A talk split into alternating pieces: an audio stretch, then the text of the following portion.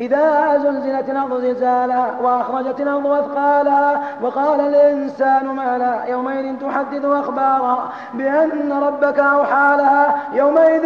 يصدر الناس أشتاتا ليروا أعمالهم فمن يعمل مثقال ذرة خيرا يره ومن يعمل مثقال ذرة شرا يره